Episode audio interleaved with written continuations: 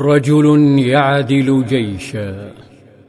قفز الفارس عبد الله بن أنيس على جواده بعد اجتثاثه للطاغية بن نبيح حاقنا دماء المؤمنين والوثنيين ثم انطلق ترفرف ثيابه خلال الريح حتى اختفى بين حنايا الجبال.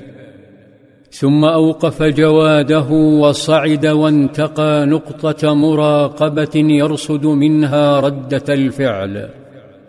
جن الوثنيون. لا يدرون من أي أرض ظهر أو من أي سماء هبط الفارس على قائدهم. تفرقوا. ابتلعتهم الطرقات يبحثون بلا هدى. ولما اختفوا انحدر وركب جواده وانطلق إلى المدينة. وفور وصوله بحث عن نبيه صلى الله عليه وسلم الذي هش بوجهه حالما رآه وقال أفلح الوجه. فهتف ابن أنيس مبشرا قتلته يا رسول الله. فنهض صلى الله عليه وسلم من مجلسه وأخذه إلى منزله. ولما دخل التقط صلى الله عليه وسلم عصا ومدها لجنديه وقال أمسك هذه عندك يا عبد الله بن أنيس. أخذها عبد الله ثم خرج فمر بحفاوة إخوته فقالوا ما هذه العصا؟ فقال أعطانيها رسول الله وأمرني أن أمسكها. قالوا أولا ترجع إلى رسول الله فتسأله عن ذلك؟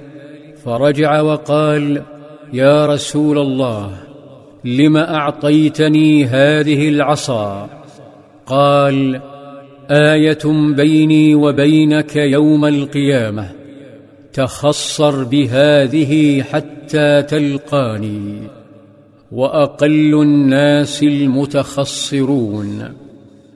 هانت التضحيات مع هذه البشرى فأخذ عبد الله العصا فقرنها بسيفه وخرج فأخبرهم.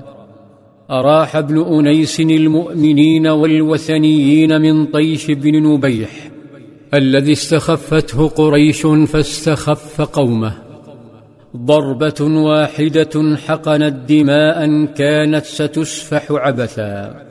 فلا النبي صلى الله عليه وسلم يريد بهم شرا ولا دولته بحاجة إلى معاداة أحد. أما الأهم فهو أن قوم ابن نبيح تخلوا عن مغامرته مما يعني أنه كان مجرد طاغوت يقامر بشعبه يقامر بهم لنزوة تهرش كالقمل في رأسه. فتح ذلك الهالك الأعين على مشروع وثني خطير. هو التناوب على غزو الدولة الإسلامية لإسقاطها. لم يكن ابن أنيس وحده رجل المهمات. هناك جسور آخر اسمه مرثد بن أبي مرثد. تخصص في افتكاك الأسرى المضطهدين داخل مكة. وكان يمارس مهمته في أجواء ثقة مع امرأة يحبها تدعى عناق لكنه انقطع عنها لسبب ما.